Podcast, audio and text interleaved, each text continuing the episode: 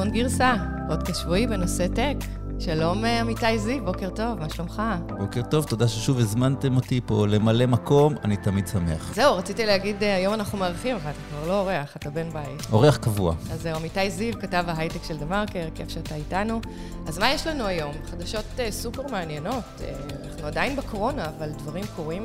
אה, נתחיל בחברת NSO, חברת הסייבר הישראלית שמפתחת אה, טכנולוגיות מתקדמות. הן אה, אמורות לסייע לממשלות ולסוכנויות לאכוף את החוק, אך אנחנו נבין שיש עוד איזושהי פרשה די מזעזעת במרוקו, אז עמיתי יספר לנו עליה. אנחנו רואים שאפל משיקה בגדול הרבה מוצרים חדשים באירוע המפתחים WWDC שהתרחש אה, אתמול באמת בצורה וירטואלית לחלוטין, אבל עם חדשות אה, מרתקות ולא וירטואליות בכלל.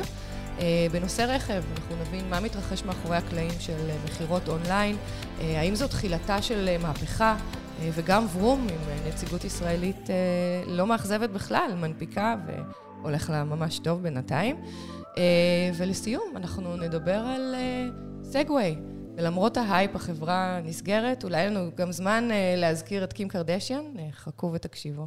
אז בואו נתחיל. Uh, אמיתי, עוד פרשייה של NSO, אנחנו שומעים עליה באוקטובר האחרון, שפייסבוק uh, תבעו אותה על הפרת חוק. Uh, מה קורה פה עכשיו? מה שמענו השבוע? אז מה שקרה זה שאמנסטי אינטרנשיונל, ארגון זכויות האדם, הוא פרסם תחקיר שכוסה בהרבה עיתונים בעולם, ביניהם אצלי, אני גם כיסיתי אותו, אבל יחד, יחד איתי עוד עיתונים רבים בעולם. על פי התחקיר, אה, NSO, כלי התקיפה של NSO, שימשו את ממשלת מרוקו במעקב אחרי עיתונאי בשם עומר רדי. עומר רדי הוא עיתונאי שעוסק בהון שלטון במרוקו, בזכויות אדם, בזכויות מפגינים וכדומה, בתנועות מחאה. וזה לצנינים בעיני הממשל במרוקו. אני לא ידעתי את זה לפני שהתחלנו את התחקיר הזה, אבל מרוקו, יש לה איזה תדמית רומנטית אצלנו בראש, אבל יש שם שלטון עם גוונים דיקטטוריים די ברורים. כן, הבנתי שהם אה, ממש מעמידים לדין אה, אנשים שמדברים אה, בגנות המלך, כן, ואפילו... העלבת המלך זה ממש משהו שאפשר... אה, זה גם להתעלות בו וגם אה, ממש להגיש כתב אישום נגד אנשים. והבנתי שיש גם אה, גזר דין מוות לחלקים האלה. אז, אז כשאנחנו קראנו, אז יש כל מיני עיתונאים, ראפרים, בלוגרים, יוטיוברים, שקיבלו תקופות בכלא וגם גם, השחרות באמצעות העיתונות, פתאום מדליפים עליהם מידע לעיתונים שקרובים לממשל.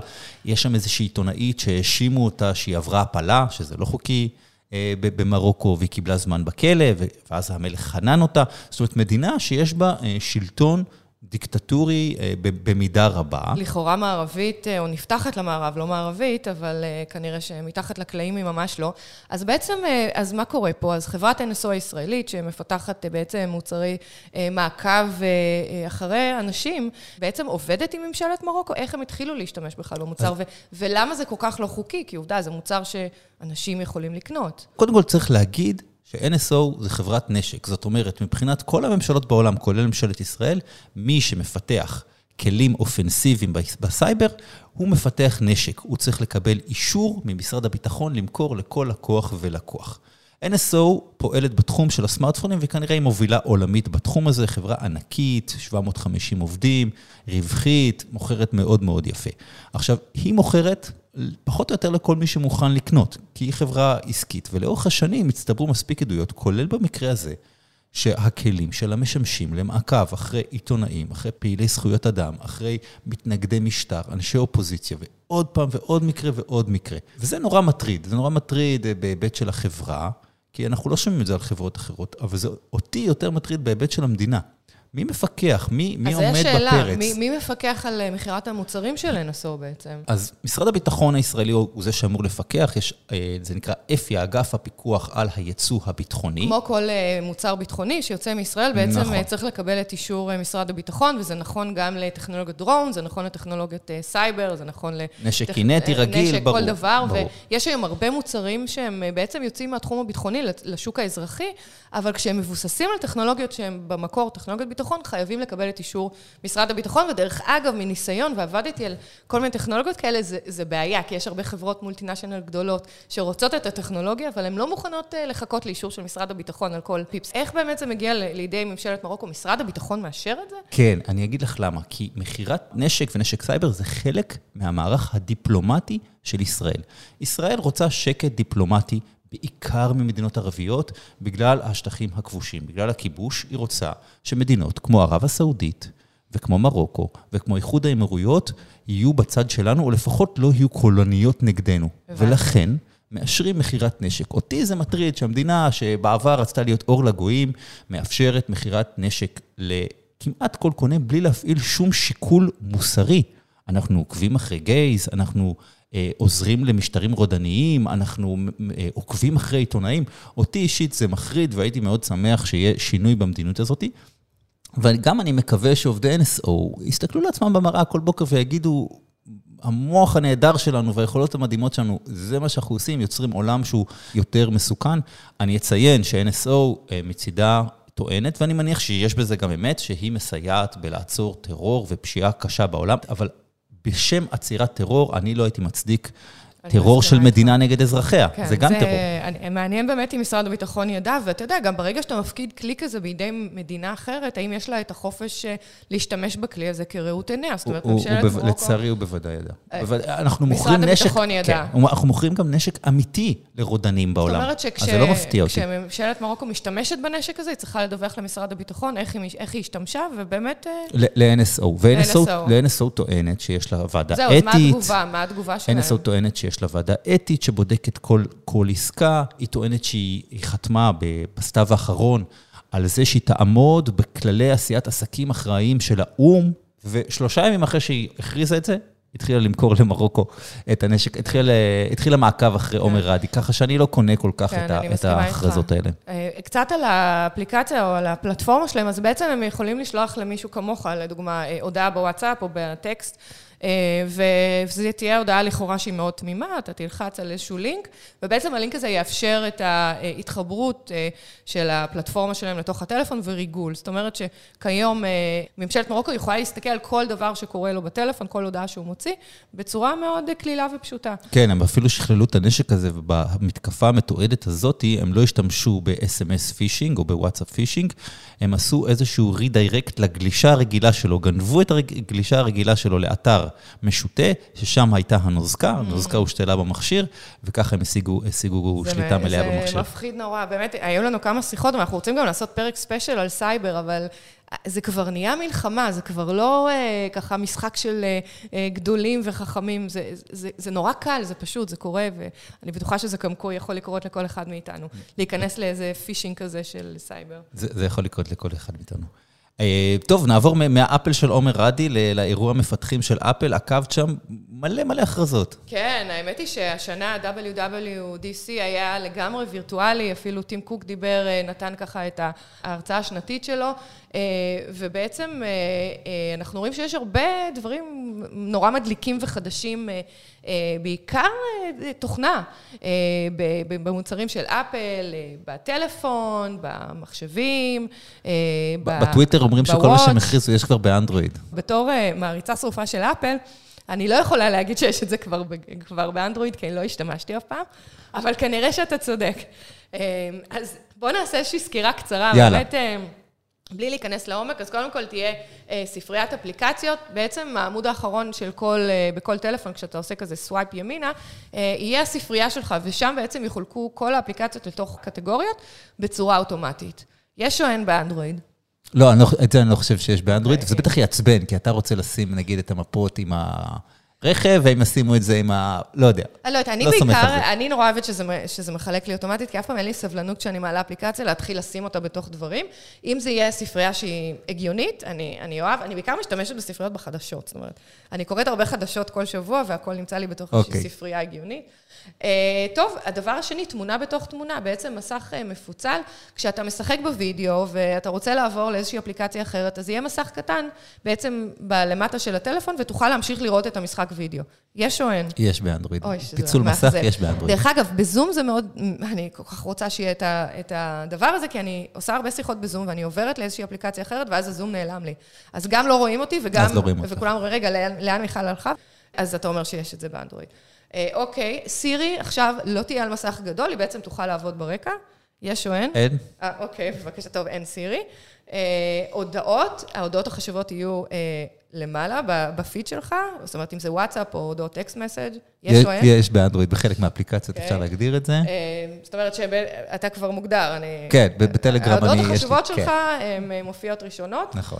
אה, מפות, יהיו מפות למסלולי אופניים? יש או אין? יש בגוגל מפס, כן, כן, כן. בגוגל מפס, אוקיי. וקרפליי, האמת היא שזה דבר שאני הכי מתרגשת אליו. לא, לא יודעת אם להתרגשות זה, זה הדבר, אבל כל התחום הזה שבעצם חברות הטק הגדולות נכנסות לתוך הרכב, אם זה אפל או גוגל או אמזון, אז זה אפל עם הקרפליי שלה, וכבר יש מכוניות עם קרפליי שבעצם מחבר את הטלפון, אבל הם בעצם מכריזים על הרבה יותר, אה, מגוון מאוד רחב של אפליקציות לרכב.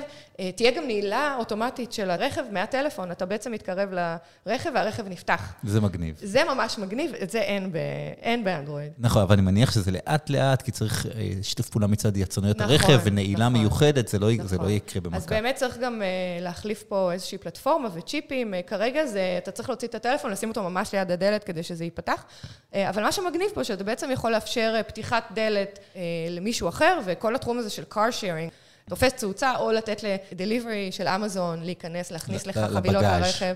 אז בעצם כל הנעילה הזו מרחוק, אה, וזה מאוד, זה, זה לא פשוט בכלל, כן, מדובר פה על security, מישהו אחר שיפרוץ לך את הרכב, אה, לכאורה מהטלפון שלו, אז יש כאן המון טכנולוגיה, רק שתדעו. אה, אני חושבת שבשעון עצמו, אני לא הולכת עם השעון, אבל יש שתי, שתי אפליקציות אה, מעניינות חדשות. אחת זה אפליקציה שבעצם אה, יכולה לנטר את זמן אה, שטיפת ידיים בקורונה. אה, יש או אין באנדרואיד? אני לא מכיר שיש את זה באנדרואיד, וזה נשמע לי, האמת. קצת שטות, לא? לא, למה? אני, אני, קודם כל אני רוצה לדעת, אפשר לספור, לא? אפשר לספור, ואנשים לא ממש סופרים, הם לא כל כך מודעים, זה כמו לצחצח שיניים, אתה לא ממש יודע כן. כמה זמן. אז בעצם יש אקסלרומטר ומצלמה, וגם גם סאונד, זה גם שומע את המים, ויכול באמת להגיד לך כמה זמן אה, שטפת ידיים, ישבו לך- המוחות הטובים של אפל וספרו 20 שניות. כן, משהו כזה. אה, יש גם את האפליקציה של ה sleep tracking, שבעצם מודד לך את מעגלי השינה. אה, מאוד מעניין. אני חושבת שהדבר הכי מעניין, ועליו בעצם רצינו לדבר, אה, זה בעצם המחשבים. ה- עכשיו את מדברת. עכשיו אני מדברת. אה, ובעצם אה, ההודעה הכי מרעישה פה זה שמעבדי המק של אינטל יועברו לידי אפל, זאת אומרת, no more אינטל בתוך המק. בעצם איזשהו מאמץ לשמור על שליטה במפתחים, ספקים, לקוחות, וזה לא, זה לא, אותי זה לא הפתיע, אותך זה הפתיע? לא? גם יש שמועות על זה הרבה זמן, וגם זה ב-DNA של אפל לשלוט בכל שרשרת הייצור. לא בא להם על ספקים חיצוניים, והם רוצים לתכנן את השבבים של עצמם. זה heavy lifting, אבל החברה הזאת יודעת לעשות heavy lifting, והם מחליטים שיהיה להם עכשיו שבב אחד על פלטפורמת ARM, שהיא לא פלטפורמת אינטל, והשבב הזה יאפשר שאפליקציות שרצות במק ירוצו גם על האייפון וגם על האייפד. שזה מדהים, יש אה, דרך אגב, ה-macOS החדש נקרא Big Sur, זה איזושהי אה, פלטפורמה שהיא הרבה יותר מתוחכמת, ובעצם הטלפון שלנו, אה, עד היום בעיקר עבדו על הטלפון, יעבור בצורה כמעט מלאה למחשב. אה, אתה יודע, טים קוק הודיע שהתהליך ייקח כמה שנים, הוא מתחיל לקראת סוף השנה. אה, כן, כן, אנחנו עוד לא יודעים איך, איך מעבדי ARM מתפקדים במשימות כבדות, עריכה, מסמכים, תכנות וכאלה, לכן המוצרי עילית שלהם עדיין יהיו אינטל לתקופה הקרובה, ואז הם יעברו ל-ARM. בסוף ARM זה פלטפורמה שיותר מתאימה למכשירים ניידים. נכון, אז אה, קודם כל, אה, אפל כבר מייצרים את הצ'יפים של עצמם, לא מייצרים, אבל הם שולטים בצ'יפים של עצמם בטלפון, באייפד, בשעון, אז, אז זה בעצם תהליך טבעי שהם, שהם עוברים למחשב.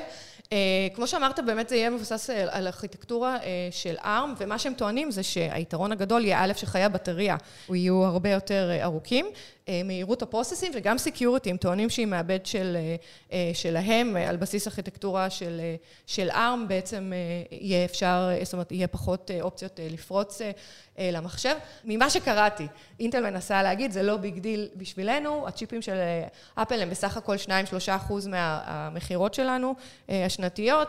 אה, דרך אגב, מק, לא יודעת אם אתה יודע כמה אחוזים של מק מוכרים יחסית ל-PC. זה משהו כמו שישה אחוזים כן, בעולם. נכון, אז שמונה בעולם, שזה לא הרבה בכלל. אני חייבת אבל לציין, הפתעות. אני עברתי שבוע שעבר מ-PC למק. הגיע הזמן. נכון, אני רואה שגם לך יש PC. אני עם כרומבוק, זה לא זה ולא זה. אוקיי, זה בסדר. אז עברתי אחרי שנים ושנים, ובאמת העזתי.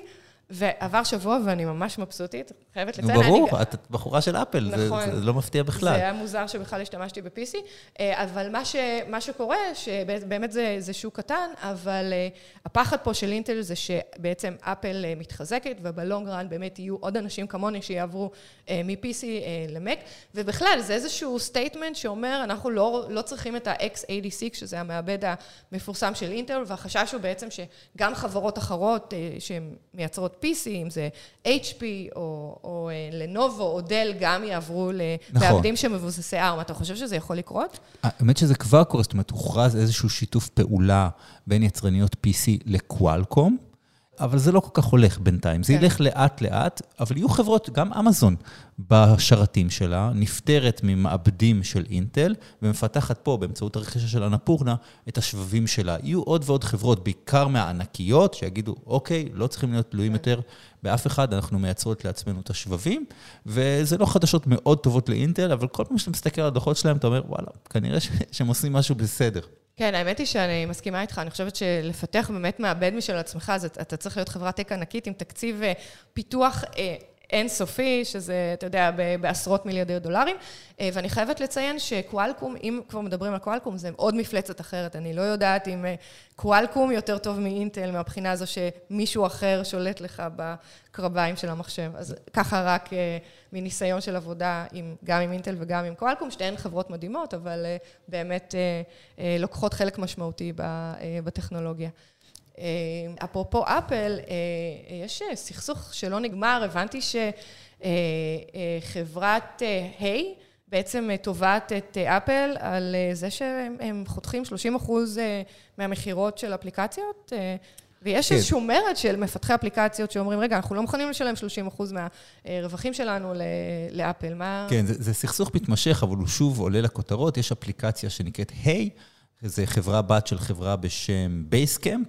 ש-Hey זה אימייל, אימייל חדש, סיומת Hey, במקום Gmail יהיה לך סיומת Hey, ויש שם כל מיני features חדשים באיך שבונים את ה inbox, שהם קוראים לו imbox, זאת אומרת כמו IM, ו features חדשים בתחום של פרטיות, ואיך שאתה יכול לחסום משתמשים, ו... אה, אתה שלא... משתמש? לא, אני לא אשתמש בזה. Okay. עוד אימייל אני צריך בחיים? לא, כן, יש לי אה, מספיק. Okay. אמ, שלא יהיה tracking על המיילים שאתה מקבל, כי חלק מהמיילים שאתה מקבל בעצם שולחים אחורה למי ששלח אותה, Mailchimp או מי שזה לא יהיה, שפתחת את זה, אז הם עוצרים את הדברים האלה.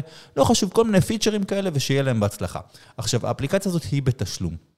ומה שקורה, שאפל רוצה לחתוך 30% מכל הכנסה שיש לך, אם זה ב subscription או אם זה בתשלום חד פעמי, אפל רוצה לחתוך ודורשת לחתוך. זאת אומרת שאני שילמתי דולר על אפליקציה, אפל מקבלים 30 סנט, ו-70 סנט, 70 סנט הולך למפתח האפליקציה. נכון.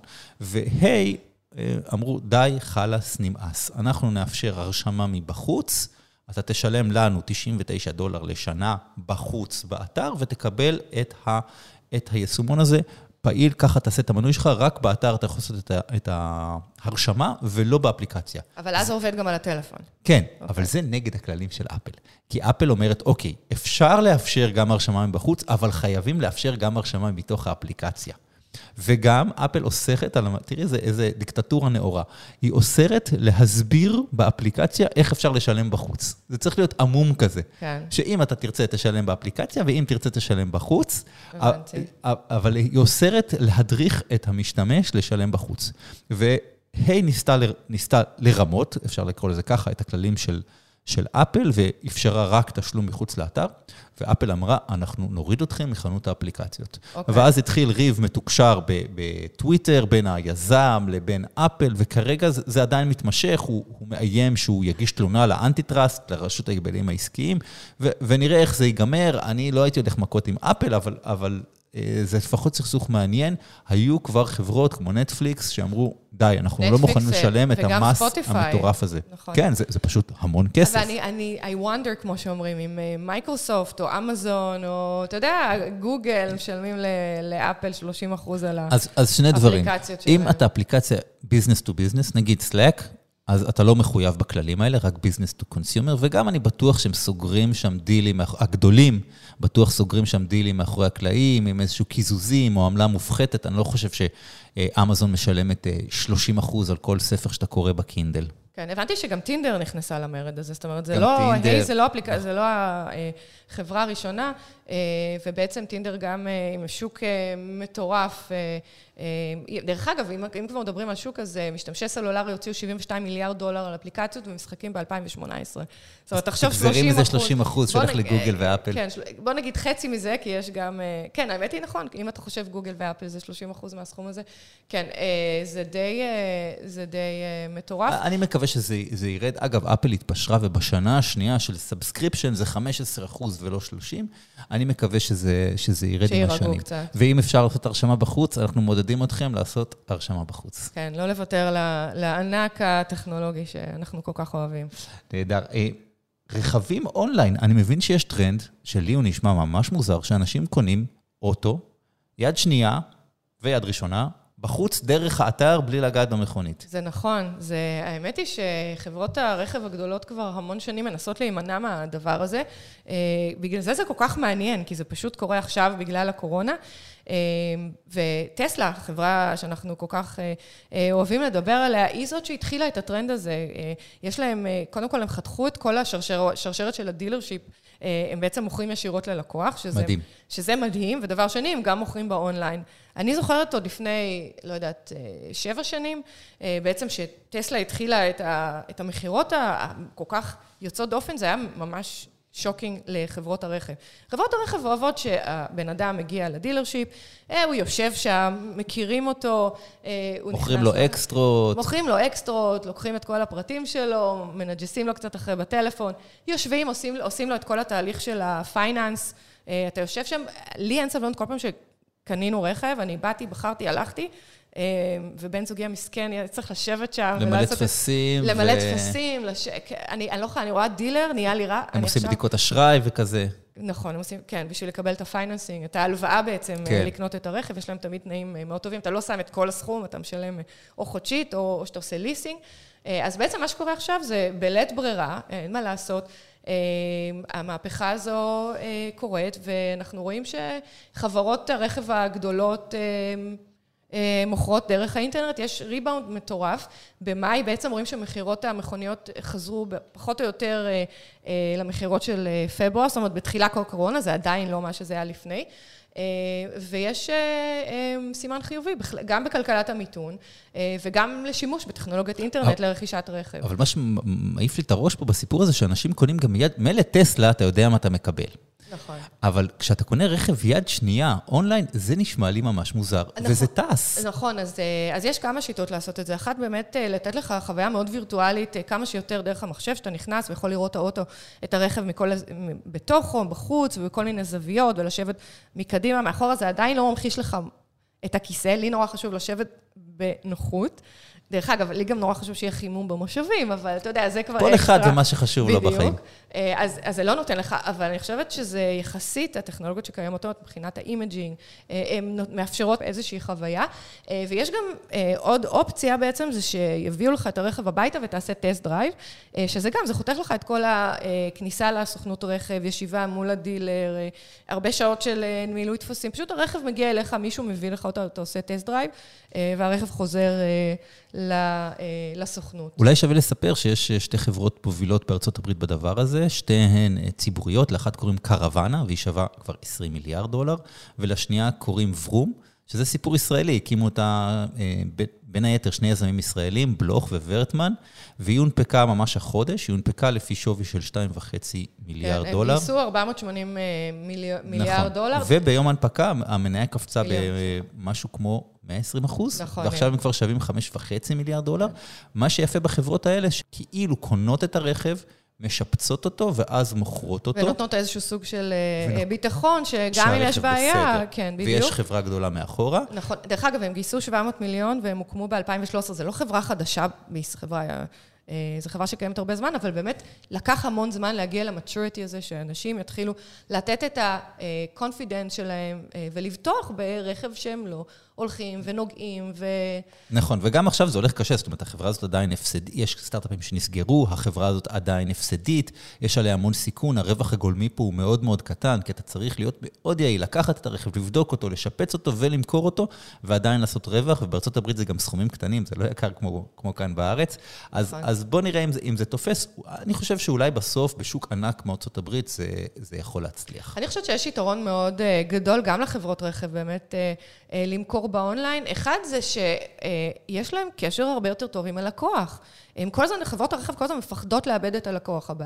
יכול להיות שהם יפחדו לאבד את הלקוח אם לא תהיה להם את הפלטפורמה האינטרנטית וה, אה, והחברתית, להיות איתו בקשר, אבל בתכלס, ברגע שבן אדם קונה רכב דרך האינטרנט, הוא כבר נותן את האימייל שלו, הוא כבר מאפשר איזושהי גישה לרשתות נכון, חברתיות. נכון, זה מערכת יחסים. שהוא, זה, זה לגמרי מערכת יחסים, ויש היום, אני חייבת לציין, גם בישראל, אה, אה, חדשנות מאוד מאוד אינטנסיבית בתחום הזה. חברות סטארט-אפ ישראליות בעצם עוזרות לחברות רכב להתחבר ללקוח ממקום שונה לחלוטין, לא ממקום של לבוא לדילרשיפ, למקום של אה, אה, כל מיני אפליקציות אה, של סוציאליות, הבנה מי הלקוח, ניתוח פרטים מעניין. של הלקוח. כן, זה, זה ממש מדהים, ו, ואנחנו רואים שהחברות הישראליות הן חלק מהמהפכה, לא רק ורום, אלא גם סטארט-אפים אחרים, גם יותר קטנים. יש הרבה POCs שאני מכירה פה בארץ שקורים בתחום הזה של... אתה יודע, גם להבין מה אפשר למכור לו אחרי שהוא קנה את הרכב. זה לא, זה, זה משנה מי אתה, מה אתה, איפה אתה גר, מה רכשת לפני, איזה סופר אתה הולך אפילו, זה, זה, יש פה המון דברים מאוד מעניינים. האמת שזה ממש מגניב. זה גם הפורטה שלנו כישראלים, לקחת דאטה וממנו להבין מי הלקוח ולעשות לו אפסייל, זה נשמע הגיוני ומעניין. אז אנחנו מאחלים בהצלחה לברום, שתמשיך לצמוח ולפרוח, ובאמת, אה, הלוואי שבארץ יכולתי לקנות אה, מכונית באונליין, באמת, אני... זה, זה גם שוק קטן מדי, וגם הרכבים יקרים מדי. אני לא יודעת, אני על סף ייאוש, אני מחפשת רכב כבר המון זמן, ואני לא, לא, לא מוצאת. טוב, אולי נחכה שהטסלה תצאו, אז טסלה, יאללה. Uh, טוב, אנחנו רוצים uh, לסיים בקרוב, כי אין לנו הרבה זמן, אבל uh, אנחנו שמענו שסגווי סוגרים. סגווי, בואו בוא נדייק. הסגווי, כמו שאנחנו מכירים אותו, המוצר המקורי, שבעברית אומרים רכינוע. רכינוע, אוי. כן, כי אתה רוכן, ואז הוא נע. נסעת פעם ברכינוע? לא, אף פעם לא נסעתי ברכינוע, תמיד הפחיד אותי קצת. אז המוצר הזה שלעצמו הוא נסגר, 19 שנים אחרי שהוא יצא לעולם. זה פשוט מוצר שהוא קצת יקר וקצת מסורבל. ואגב, החברה טוענת שאחת הבעיות שלו שהוא אמין מדי, הם בנו אותו, את הסגווי היקר, קצת טוב מדי, והוא לא מתקלקל, ואנשים מחזיקים סגווי שנים. הבנתי, זה לא רווחי בעצם, המודל העסקי. נכון. עדיף עכשיו, שמשהו יתקלקל. הוא מצא לו נישות, קצת סיורים בעיר וקצת... אני עשיתי סיור בעיר העתיקה בירושלים באיזה יום הולדת שהייתה לי. אז, אז יש לו נישות שלו, אה, שוטרים אני רואה על סגווי, אבל זה לא הפך למוצר המוני כשלעצמו, ולכן החברה האם, שהיא עכשיו Ninebot הסינית, סוגרת את המוצר Segway, אבל אני רוצה להגיד שזה גם סיפור הצלחה, כי ממנו יצאו ההוברבורד, שזה מוצר מצליח בלי ספק, ו Ninebot עצמה מייצרת גם את הקורקינטים, שזה מוצר מצליח בלי ספק, אז הקונספט של, של מיקרו-מוביליטי, כפי שבא אה, לכדי ביטוי בחזון של Segway, בסך הכל ניצח, כשהמוצר עצמו אה, השתנה לאורך השנים, והוא עצמו לא, לא ישרוד, וזה נכון. בסדר. זה קצת מזכיר לי את Better Place, לא שאני משווה, אבל אה, אני, אני הייתי חלק מהקבוצה. אנחנו התחלנו את מהפכת הרכבים החשמליים, ובעצם היום אנחנו רואים שזה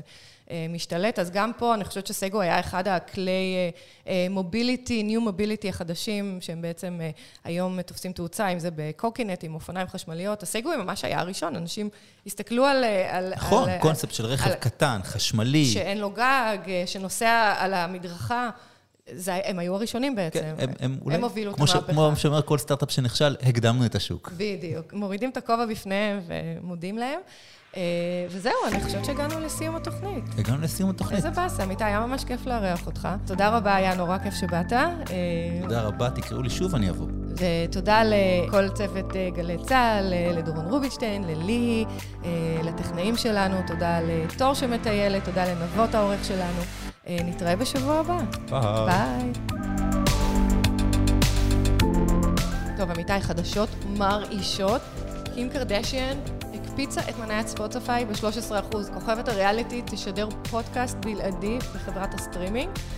ספוטיפיי, הוא יעסוק בצורך, ברפורמה במערכת הצדק הפלילי. בשנים האחרונות התחילה להתעסק עם הרשעות, אה, עם אנשים שהורשעו שלא בדין, אז זה נהיה אה, אובססיה שלה, ועל זה הולכת לדבר בפודקאסט שלה, ועל זה ספוטיפיי שילמה לה כנראה הרבה כסף, על בלעדיות. אז רגע, אז קודם כל הבנתי שקים קרדשיאן היא לומדת משפטים. היא לא, כן, והיא התחילה ללמוד משפטים. היא התחילה ללמוד משפטים, נהייתה סטודנטית אה, מן המניין.